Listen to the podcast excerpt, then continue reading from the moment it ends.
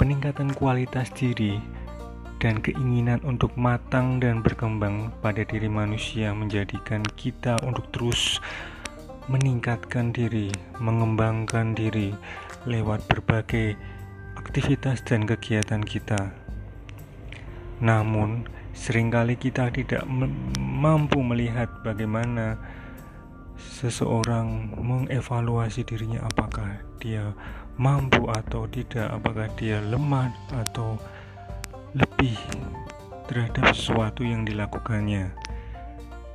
Lewat benang merah, saya mencoba untuk merefleksi, mengevaluasi, dan mengkritisi kehidupan kita sebagai seorang manusia. Jangan lupa ikutin terus benang merah.